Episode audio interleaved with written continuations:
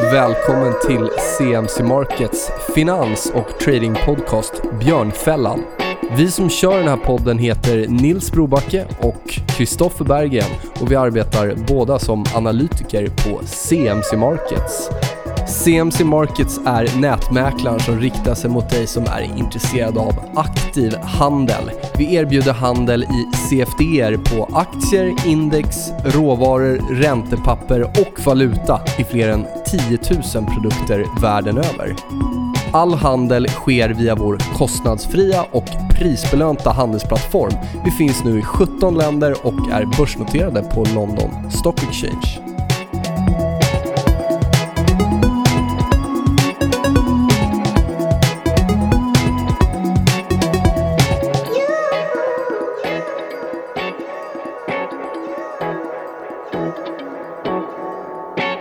Sådär, då var det dags för avsnitt 50 av eh, vår podcast Björnfällan. Vad ska vi bjudas på idag, Kristoffer? Ja, idag blir det ett riktigt räntebonanza. Vi kommer att prata då såklart eh, ränteläget i Europa, i USA, risker med det. Vi kommer att prata om high yield och att vi kanske i Norden inte är så duktiga på high yield som vi kanske vill tro. Eh, vi kommer att prata gröna obligationer och att faktiskt Riksbanken har en liten uppgift där att värna om miljön. Eh, sen blir det prat om den svenska fastighetsmarknaden och riskerna där. Vilka är det vi intervjuar? Jo, våra två favoritränteförvaltare, Sean George och Ulf Erlandsson på Strukturinvest. De har ju varit med här förut. Vilka avsnitt var det för våra Ja, lyssnare? det var avsnitt 35 och 36. Så vill man veta mer om deras bakgrund, eh, de är ju rätt seriösa herrar så att säga, så uh, lyssna på avsnitt nummer 35. Då går vi igenom det mer. Ja, då var det dags att dra igång ett nytt avsnitt och idag firar vi hälften till 100, det vill säga avsnitt 50. Vi välkomnar tillbaka två gäster som var här i höstas och pratade länge med oss om räntemarknaden och annat spännande. Det är Ulf och Sean från eh, Strukturinvest. Eh, ni förvaltar fonden Hamiltonian. Eh, och vi ska prata mycket spännande saker idag. Såklart blir det räntefokus då eftersom det är ert expertisområde. Välkomna till Björnfällan igen. Ja, tack ska du ha. Kul att vara tillbaks på nummer 50. Ja, Vi kommer tillbaks på nummer 100 igen då. Ja, eller hur? Jämna nummer. Ja, det är som är precis, marknaden. Vi, vi börjar med en, eh, en fråga här som jag tror nästan alla våra lyssnare undrar över. Har du köpt en bostadsrätt nu Sean? Vi satt ju här i början av hösten och pratade och du tyckte ju att det kändes övervärderat och du Ja. Fick väl ganska rätt där va? Ja, precis. har du klivit in nu eller hur ser det ut? Eh, två saker eh, innan jag svarar. Så att, eh, förra året när jag var på eh, FOW, en konferens, eh, Asset Management in Scandinavia, eh, så var jag en panel och då sa vi eh, att eh, bostadspriserna var väldigt höga och många tyckte jag var helt galen. Jag är rätt van vid det så att jag, det, stör inte mig överhuvudtaget. Eh, och sen var vi här i, i höstas och sa samma sak och eh, eh i retro, retro, retro, retro, om man tittar tillbaks på liksom den, den solklara traden som man skulle ut, det var ju blanka svenska kronan. Det, var, det var så det spelades ut. Att, att man eh, eh, skulle hittat någonting som eh, skulle ta stryk av att omvärlden visste om att det var ett bostadsproblem eller bostadsprisproblem i, i, i Sverige. Eh, och, eh, så att den, den, den vetskapen, att man ska alltid lära sig av, av, av saker och ting som man tycker att... eh, jag, jag är lite frustrerad att det fanns inget bra sätt att uttrycka sig. Men det fanns ett fantastiskt bra sätt att uttrycka sig. Det är lättare att se kanske efterhand också. Ja det- absolut, men, men man måste ju liksom ta, ta liksom med facit i hand. Liksom, vad kan jag ha gjort bättre? Och det är en sån klassisk grej. Man, ska alltid, man kan alltid bli bättre på sina calls och hur man har tänkt på saker och ting. Även fall jag har haft rätt att de har gått ner. Eh, jag tittade på lite bostäder. Eh, jag kan säga om mäklarna som träffade mig då, eh, ser mig på gatan, så blir det nog en fight. Därför att jag la bud där jag tyckte de skulle, skulle handla. Eh, eh, och jag, jag köpte ingen bostadsrätt. eh, men jag kan säga att flertalet av dem som jag la bud på såldes aldrig. Eh, och eh, jag, jag kollar fortfarande och ser om de kommer tillbaks och kommer såklart dyka upp med samma bud. Eh, jag tror inte priserna har gått upp. Jag tror att de kan fortsätta ner lite grann. Eh, inte katastrofalt men det var ju en sättning på någonstans runt 15 procent. Eh, och eh, samtidigt som min eh, andra fastighetstillgång i Kroatien har gått upp under den tiden och har en positive carry på 23, 4, 23 till 24 000 euro per, per år. Eh, så att eh, det är väldigt illikvid trade skulle jag aldrig sätta på i mitt dagliga liv i fondverksamheten. eh, men det var liksom relative value. Och det, det, som jag sagt förut till folk, det, det, kan vara irriterande i ens privatliv att man ska, för att man har blankat Hasbro inte köpa en Barbie-doll till sin dotter. Men mm. lite grann så tänker jag hela tiden att eh, man ska alltid ha relative value i tanken. Så jag, har lagt, jag la en hel del bud när det var som, som, som värst här. Eh, och så nu sitter jag tillbaka och väntar. Det var ett par stycken som såldes till, till fel pris tycker jag. Så att, om vi tittar på, gå tillbaka USD SEK där, intressant. Vad tror du att det beror på att det var där så att säga rörelsen kom och kanske var det, den man ville spela? Eh, kan man alltså jag är inte en valutaexpert men när man tittar tillbaks det som fick... Alltså det pratades om att säcken gick ner mm. på grund av eh, att äh, mm. bostadspriserna mm. gick mm. ner. Och uh, om man tittar på Sverige, Sverige som helhet, det bostadsbyggande mm. och bostadsägande och bostadslån en stor del av eh, GDP. Så att det är mm. såklart det, det, det, det, är någon form av transmission eh, tillbaks till, till kronan eh, i efterhand. Jag tror storbankerna hade ju riktkurser runt 7-6 mm. i början av året. USD-SEK var faktiskt mitt mm. contrarian case i år. Mm. Favorit på valutamarknaden. Den mm. gick ju som sagt nästan en krona där. Mm. Vad, har ni någon syn eh, framgent om det här kan fortsätta? Hur långt kan vi ta oss? Kan vi ta oss till 10 kronor? Kan vi ta oss till 11 kronor? Finns det något sånt extremscenario? Vi tittade faktiskt säga? på det här igår bara för att eh, bara titta, ja, vi tar inte valutarisk i vårt dagliga arbete men eh, givetvis valutor spelar roll Självklart. på många olika sätt. Och jag drog eh, tillbaka grafen eh, på Bloomberg eh, hela vägen tillbaka mm. så man kan dra den 1971. Mm. Jag visste givetvis inte om den här frågan men det är kul att den kommer då. Mm. Eh, om man ser, eh, det finns ju toppar. Mm. Eh, och vi är en av de här topparna. Det, det kan sticka. Mm. Liksom det fanns en topp som den stack, jag tror det 2008 som det, som det stack. Men mm. annars har den kommit ner mm. ifrån de här, här nivåerna. Eh, och man ser det i de här cross currency basis eh, dollar, eh, eller euro eh, dollar. Den är ju helt galen just nu. Så att eh, det har ju nästan stängt av eh, många förvaltare från amerikanska marknaden på grund av dollarswappen är så hög. Så att eh, jag, jag, tror att den kommer av. Inte att jag tar den risken därför att jag inte betalt mig själv för att ta den mm. risken. Men om man tittar tillbaka historiskt sett. Samtidigt så har vi ju QE som pågår fortfarande. Mm. Eh, och du, du har ju en normalisering av ränteläget i USA. Så, så länge vi befinner oss här så, så, så jag tror inte dollarn sticker iväg eh, på nedsidan. Eh, men kommer Widman in, eh, jag var på ett samtal i morse eh, och det liksom pratas om en hockeyklubb mm. mm. Eh, på räntorna i Europa och då, mm. då, då, har vi ett helt annat läge. Ja, jag tycker... Och jag, jag, jag, tror att vi har ett helt annat läge i bostadspriser i Sverige. Jag vill alltid få in det där. Men det, det är faktiskt sant. Därför att om, vi får, om räntorna börjar sticka iväg. Eh, det är svårt att säga en situation där vi har en 3,25 med vad jag tror amerikanska tioåringen hamnar på. Eh, ska vi haft det i Sverige så skulle liksom folk hoppat ut från balkongerna. Det, det går ju inte. De kan inte betala sina amorteringar. Så att, eh. Det blir svårt också när Riksbanken, rätt eller fel, vägrar göra någonting med räntan och bara skjuter på liksom höjningen framåt, framåt, framåt. Det är klart, då är inte så många som vill äga svenska kronor bara på grund av det. Sen har vi bostadsproblematiken. Och USA som bara fortsätter ticka upp, men det kommer vi komma till. Ja. Ska vi hoppa över på eh, det mest spännande idag? Den nya fonden. Kan mm. ni inte berätta lite? Vad har hänt sen vi träffades sist? Jag vet att det är som vanligt när man startar fond så är det många turer fram och tillbaka. Mm. Eh, men vad är, vad är ni nu och vad har hänt? Eh, vi lanserade fonden för eh, två veckor sedan faktiskt, så vi har kört eh, de första dagarna med risk på här. Det har varit jättespännande. Vi har lärt oss väldigt mycket under den tiden, den korta tiden. Till exempel, man ska inte starta en vecka när det är först Bank Holiday i London och sen Bank Holiday i Europa. Vilket var första veckan. Det är en reminder to self. Men det har, det, det, det har, tagit tid att sätta igång. Eh, mest därför att det tar tid att skaffa alla tillstånd och alla de här administrativa processerna tar längre tid än, än vad man liksom förutsätter eh, från början. Men jättekul att vara igång. Eh, vi är live på hela instrumentpanelen så vi kan trycka på riskknappen på och riskknappen av och riktigt rejält. Så alla möjligheter till att tjäna pengar i den. Hur mycket startar ni med?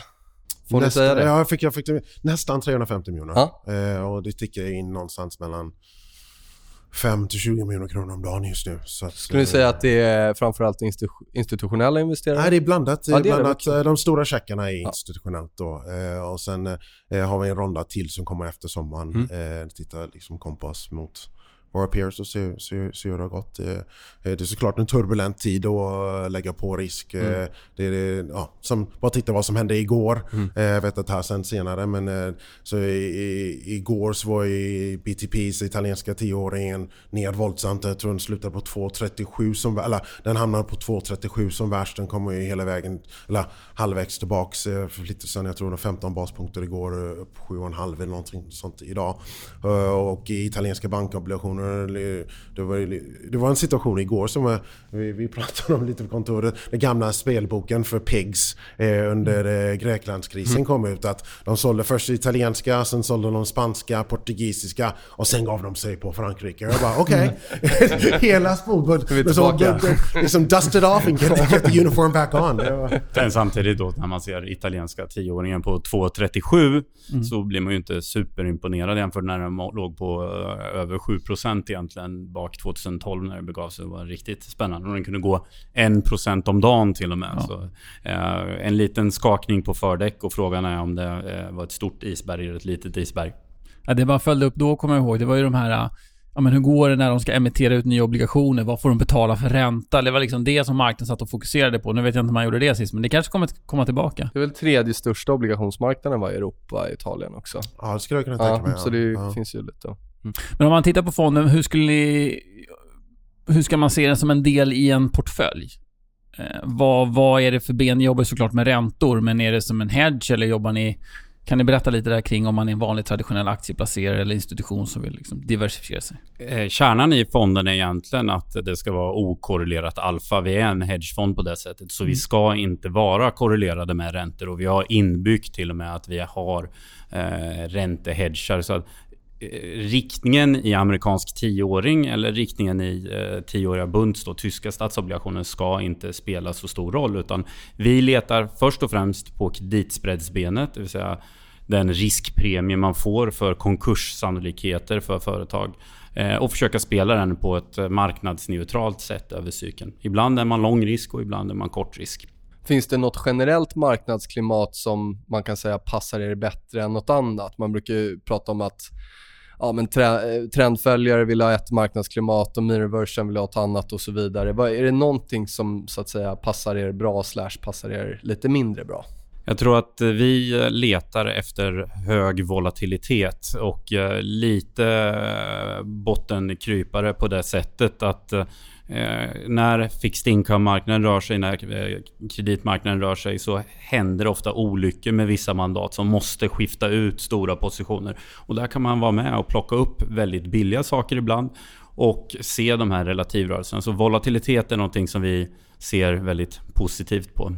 Tittar man på S&P grafen så ser det faktiskt ut som att vi har gått in i en ny volatilitetsregim i år. Det är att, eh, extremt om man tittar efter eh, slutet av januari. Man tittar på alla grafer, ja, kreditspreadar och S&P graferna och så ser man att det är två olika regimskiften. Och det, det är väldigt intressant när man kommer titta på det här historiskt sett så ja, den 28 januari kanske inte kändes som något speciellt för oss när vi var där. Men det kommer vara ganska tydligt i efterhand att det var kanske där som den här långa lågvolatila QE-perioden som vi har haft under 10-talet eh, kanske slutade på riktigt. Jag vet att förra gången ni var här så du Ulf har ju lite specialitet för CDSer. Eh, nu får vi inte prata specifika positioner här, men är det någonting som luktar kring italienska bankers CDSer kanske, eller något?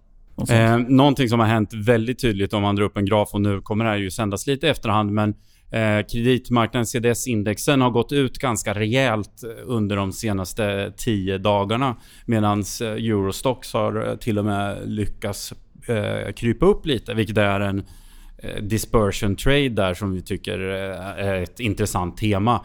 Vi brukar ofta spela den här eh, relativvärdet mellan CDS-indexen och eh, aktieterminer egentligen. Och där har det öppnat sig en ganska stor snakebite formation som vi säger. Det öppnar sig som ett ormbett och sen så smäller det igen ganska snabbt när det kommer tillbaks. Eh, vi pratade om, återigen förra gången ni var här, om att obligationsmarknaden var inte en sjuk patient, men lite krasslig. Kanske hade någon form av eh, feber på gång eller någonting. Hur, hur ser marknaden ut nu om vi drar väldigt breda penseldrag?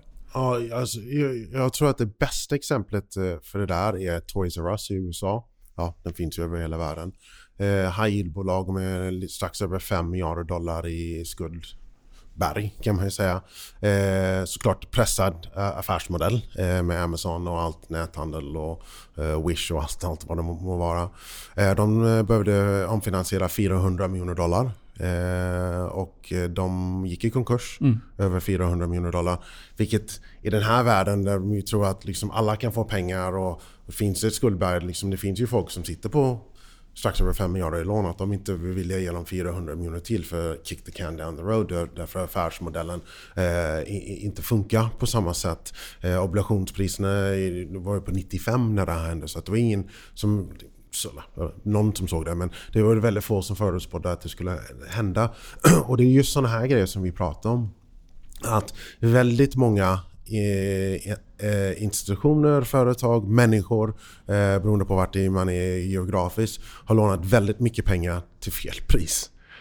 Och nu kommer den Grim Reaper tillbaks till USA lite grann där vi har sett ett skifte med Eh, ränteläget och, bolag kommer, kommer ha lite problem. Och vi kommer se sådana idiosyncratic risk. Att om jag köper allting och allting går bra så spelar det nog ingen roll vilket jag har valt. Men eh, nu kommer det liksom stockpicking på kreditsidan eh, komma tillbaka. Så att du måste ju väl valt rätt bolag till rätt pris. Eh, och rätt kapitalstruktur. Och sen eh, måste jag invända lite mot liknelsen här när man använder obligationsmarknaden som en sjuk patient. Det låter lite som eh, någon gammal dam på ett tuberkuloshem någonstans. Ja, men det, det vi kom fram till att det var inte så. Det är inte så liksom, utan det är mer 28 dagar eller The Walking ja. Dead. Om obligationsmarknaden blir riktigt sjuk så kommer hon och biter dig och det kommer påverka både dig och din familj. Så har jag faktiskt aldrig tänkt på det. Tack Du vet ju vad du sitter och tänker på dagarna. Nej men, ehm, och det, vi pratade lite grönt förra gången vi var här också. Någonting som blir väldigt uppenbart när man tittar på vissa siffror. Det är att eh, market cap på obligationsmarknaden globalt sett är 100 triljoner dollar ungefär. Equity markets är 60 triljoner dollar. Det är Eh, en 800 pound gorilla som vi pratar om i räntemarknaden. Och det eh, påverkar väldigt mycket ända ner till då diskonteringsfaktorer om man håller på med det i aktievärdering till exempel.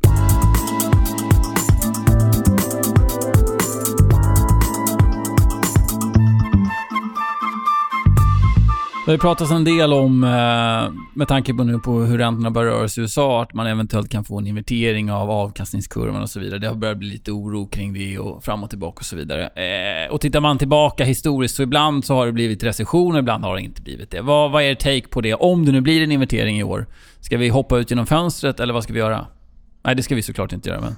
Okej, okay, jag, jag, jag, har studerat skriptet på den filmen eh, ganska väl. Eh, till att börja med, så invertera kurvan ordentligt så blir det recession. Det är det empiriska sammanhanget egentligen. Det har vi alltid sett eh, historiskt sett.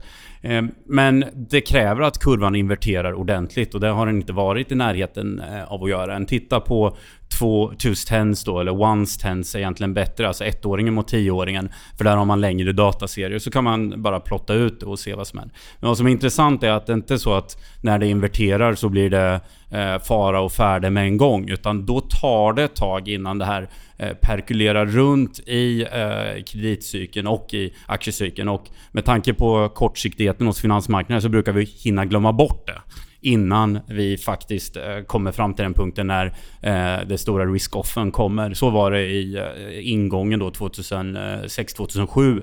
Det var ganska långt innan som kurvan inverterade. Den brantade upp igen och sen tog det ett tag. empiriskt sett så är det kanske 12 18 månader i genomsnitt mellan att det först inverterar till att det påverkar övriga risktillgångar eller att man daterar recessionen i alla fall. Men när du säger att det ska vara en kraftig invertering, vad pratar vi för diff mellan ettåringen och femåringen då som nämnde?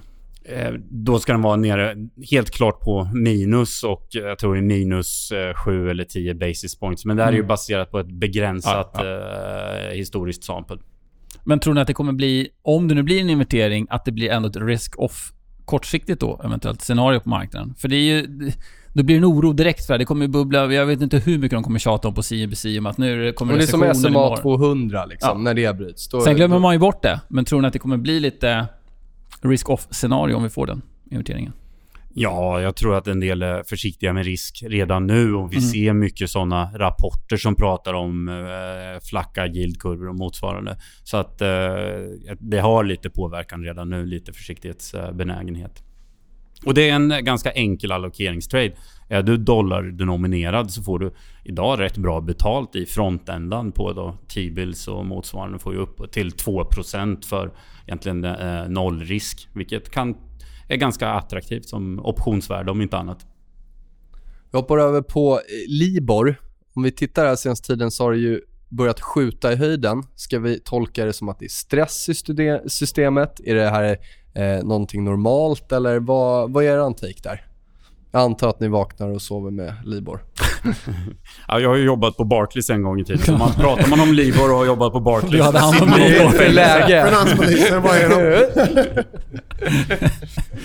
Så mina starka vyer på Libor. Eh, det har varit vissa tekniska förändringar i den marknaden som har gjort att eh, Libor-räntor har ställt upp rätt mycket.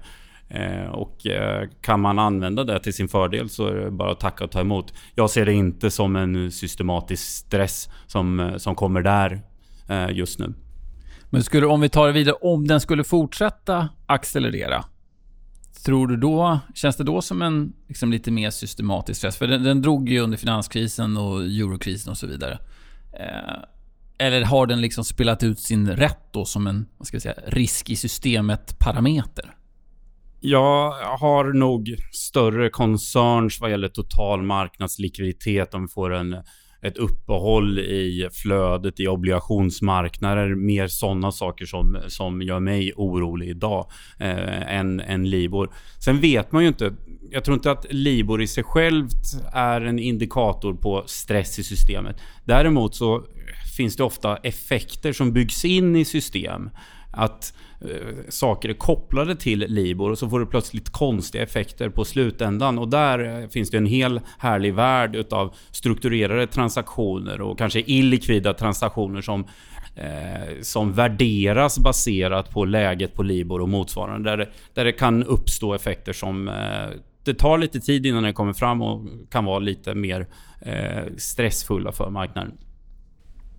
Om vi hoppar över till USAs tioåring då. Eh, vi är uppe med väldigt intressant, eller vi är vid väldigt intressanta nivåer just nu. Det är rekordstora korta positioner. Eh, vi har en marknad som i alla fall verkar nosa på en högre ränta. Vad är er syn eh, om vi blickar framåt här? Jag, jag, tror att vi tittar på en 3,25 någonstans där och jag tror någon har sagt 3,40 därefter. Men eh, det, det, är inte så konstigt att eh, alltså, om du tittar och går tillbaka på den, eh, den här klassiska grafen, vi kan gå hela vägen tillbaka till 1790. Mm. Eh, någonstans mellan 4 är en normaliserad räntenivå. Eh, och jag tror att en, en hel generation av, av investerare blir eh, vaggade till söms av att räntor är lägre och, eh, och kanske de förhåller sig lägre. Att eh, vi stannar vid 3,25 eller 3,40 var siffran är och vi går tillbaks ner och, och bandet blir, blir mycket lägre eh, än vad det har varit eh, tidigare.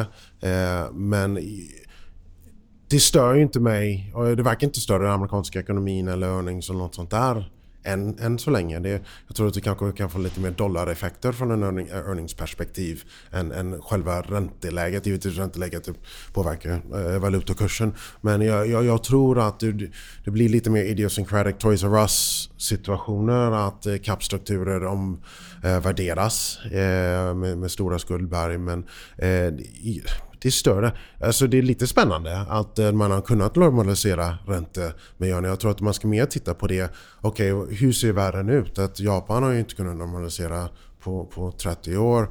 Eh, USA gjorde samma experiment men kunde normalisera, vilket är spännande därför att när vi gick in i QE så sa att nu liksom gör vi all, hela USA till en zombienation på, på, på Ulfs men, men att, eh, att all, allting blir dopat och vi kommer aldrig kunna höja räntorna. Och, eh, ett, de gick inte till minusränta, få tillväxt eh, och du har eh, stor sannolikhet att inflation börjar ticka upp lite mer i USA. Eh, jag var på ett rätt, rätt intressant eh, frukostmöte idag eh, med en jättebra strateg och han pratade att eh, inflationen i USA kan ticka upp mot 2,7%, 2,5% och det var ju fantastiskt om man kunde inflatera sig ur lite av den här skulden som amerikanska staten har tagit, sig på, tagit på sitt balansräkning. Och samtidigt så blickar man till Europa och vi ligger fortfarande på minusräntor. Mm. Eh, och frågan är när är nästa lågkonjunktur? Och vad är det för skott som finns kvar i geväret eh, när tyskarna tar över ECB? Eh, vilket någon nordeuropé kommer eh, förmodligen ta över. Och då, då, då kan det bli rätt intressant. För de, det, det kan bli rätt bråttom att höja räntorna till någonting så att de har skott i pistolen. Mm. För jag tror att om man tittar på det här historiskt sett, liksom, jag har inte tagit bort lågkonjunktursrisken i ekonomin för all evighet för att vi har kommit på QE. Det, det, det stämmer ju inte. Det, det liksom, ekonomin går upp och ner. Eh, man har väl skapat ett annat problem som måste lösas. Och, ja. alltså, lågkonjunkturen kan ju komma ändå, men då ja. har man en, en, ganska stor börda att försöka lösa också. Ja, precis. Och, och det är lite så, liksom fonden heter Hamiltonian, baserat på Hamiltonian Control Theory som centralbanken använder för små justeringar i räntor eller likviditet för att hålla ekonomin i en bana som inte kraschar. Eh, men ja, kanske man liksom, the, the operation was a success but the patient died. Det, och det, det, kan vara lite, därför går vi in i en Japan-scenario i Europa. Liksom, eh, en eh, befolkning som eh, blir äldre och så vidare. Det finns lite risker att Europa hamnar där. Så att det, ja, om man tittar på en amerikanska tioåring så ska man titta på det som en seger, mm. inte en fara. Mm. I min, I min värld i alla fall. Men om vi, om vi tittar om det bryter upp här så är det ändå eh, uncharted territory, i alla fall om man backar tillbaka en tid. Utan vi har inte jättemycket tekniska nivåer ovanför oss. Är, mm. är det här något som, kan man säga att det, det här kommer att trigga ett ras i, i aktiemarknaden eller är det Eh, är det för svårt att dra den slutsatsen ännu? Vi behöver se vad som, vad som händer där. För det första ska i kontexten att jag inte tror på teknisk analys, vilket kommer jag aldrig göra. Men, eh, aldrig komma tillbaka nu. det jag tycker är jätteintressant med det här, det är att vi har vant oss vid en värld där man egentligen får positiv totalavkastning på allting man investerar i. Eh, tittar man på en eh, stor svensk statlig pensionsfond till exempel, så kanske man har 100 miljarder kronor i, i totalt i fixed income. Eh, 40-50% av det är säkert exponerat i amerikanska dollar. Och går amerikansk tioåring 1% upp så är man torsk på runt ungefär 7-8% i total return på, eh, på den rörelsen. Plötsligt börjar det lysa röda siffror på vissa delar i resultaträkningen vilket man nästan inte har sett under de senaste fem åren. Och Det här kan ju göra att folk börjar allokera om att det kommer att bli mer rörelser. Och så som vi pratade om tidigare, liksom, att vi har gått in i en annan regim där man faktiskt också kan eh, förlora pengar när man börjar satsa på spelbordet. Vilket eh, förändrar beteendemönster. Jag tror du sa i förra avsnittet, eller förra gången vi, vi pratade just att de som har skyddat sig vid de här stora situationerna har blivit utburen på bår varje gång, om vi tittar de senaste eh, åren. Då. Mm. Eh, men då kanske det är så att det börjar bli skillnad nu. Att det börjar bli dags och att man får betalt för de hedgarna i de här situationerna. Ja, det har ju faktiskt varit så att räntan har gått upp ganska rejält i USA och den har inte kommit tillbaks lika snabbt. Vi kan ju jämföra med eh, Taper Tantrum då som var 2013 om jag inte missminner mig. Eh, och då fick man ju en ganska starkt uppställ i amerikanska räntor och sen såg man att det här blev alldeles för våldsamt. Och drog tillbaks det som vi säger. Det, det tar bort alla som försöker hedga sig mot det här. Det ser vi ju inte hända just nu utan nu sitter folk och får in det här i sina kvartalsräkningar, eh, sina eh, halvårsresultat eh, också. Så det är spännande att titta framåt på den volatiliteten som kan uppstå baserat på det. Om vi vänder på steken då. Eh, låt oss säga att vi börjar komma ner igen i räntan. Vi kommer under 3, då sitter jag i första hand och eh, titta på 2,8 och kommer vi under där så kan vi nog springa på ner ända ner till 2 igen. Det är ett scenario som kanske inte jättemånga förväntar sig just nu. Vad sker i ett sånt läge? Eh, och lägga till ska jag säga också att de, eh, den här nivån som vi, vi testar nu, om vi binder ihop den i månadsgrafen så, så har den två träffar tidigare. Det ena var december 99 och det andra var juni 2007. Eh, jag lägger ingen jättevikt där, men det är två ganska intressanta datum historiskt sett. Vi fick en vändning där. Eh, men om vi, om vi bara tar det då. Om vi får en, börjar få en sjunkande ränta igen från de här nivåerna. Är det något som ens är rimligt att tro och vad skulle det kunna spela ut i? Okej, okay, det, är en svår fråga. Så kudos. Just därför vi räntehedgar hela våra böcker. ja, precis. Eh, men jag, det scenariot sker, för om du tänker alltså du har haft en jättefiskal stimulus som, som precis kom med skattesänkningar i USA. Så att vi skulle, och det du pratar om är närmast en lågkonjunktur dyker upp efter en sån stor skattesänkning. Eh, det kan hända. Mm. Donald Trump är tyvärr mm. USAs president så vad som helst kan hända. Eh, men jag tror inte det är en lågkonjunktur på horisonten någon gång i skålig framtid. De har spenderat för mycket pengar helt enkelt för att, för att låta det hända. Eh, men jag ser inte något annat scenario där de, där de sticker iväg neråt på, på det sättet utan att eh, centralbanken drar det neråt. Eh, eh jag, jag, tror att de fortsätter att höja eh, ett tag till. Eh, jag tror att vi närmast att de överskjuter på inflationsmålet än att eh, vi går tillbaka. Men givetvis, och jag ska vara rätt till lite på det Ulf sa. jag blir lite orolig alltid när jag pratar i den här podden. Jag är inte en ränteexpert. Jag har jobbat i kreditmarknaden i, i, i 22 år. Eh, det är därför vi tar inte kredit, eller mm. ränterisk i vår kredithedgefond. Eh, jag är inte FX-expert. Mm. Eh, det är därför vi inte tar FX-risk i vår hedgefond. Därför det är jättesvåra grejer att förutspå eh, och vad som ska hända och det stora, enormt stora kapitalflöden från Asien fram och tillbaka och så vidare och liksom de som äger amerikanska statsobligationer. Det kan bli ett scary scenario med en trade, trade war att liksom börjar Kina bara sälja av. Alltså det finns massor med grejer som, mm. som går fram och tillbaka där så att eh, det är därför jag uttryckligen inte tar den risken därför att den, den är väldigt svår att, eh, att hantera och förutspå. Om vi studsar tillbaka till Europa då. Vi var lite inne på det här med italienska räntorna och som ni sa, den gick upp på, vad sa du, 2,3 och nu tror jag den var 2,37. Ja.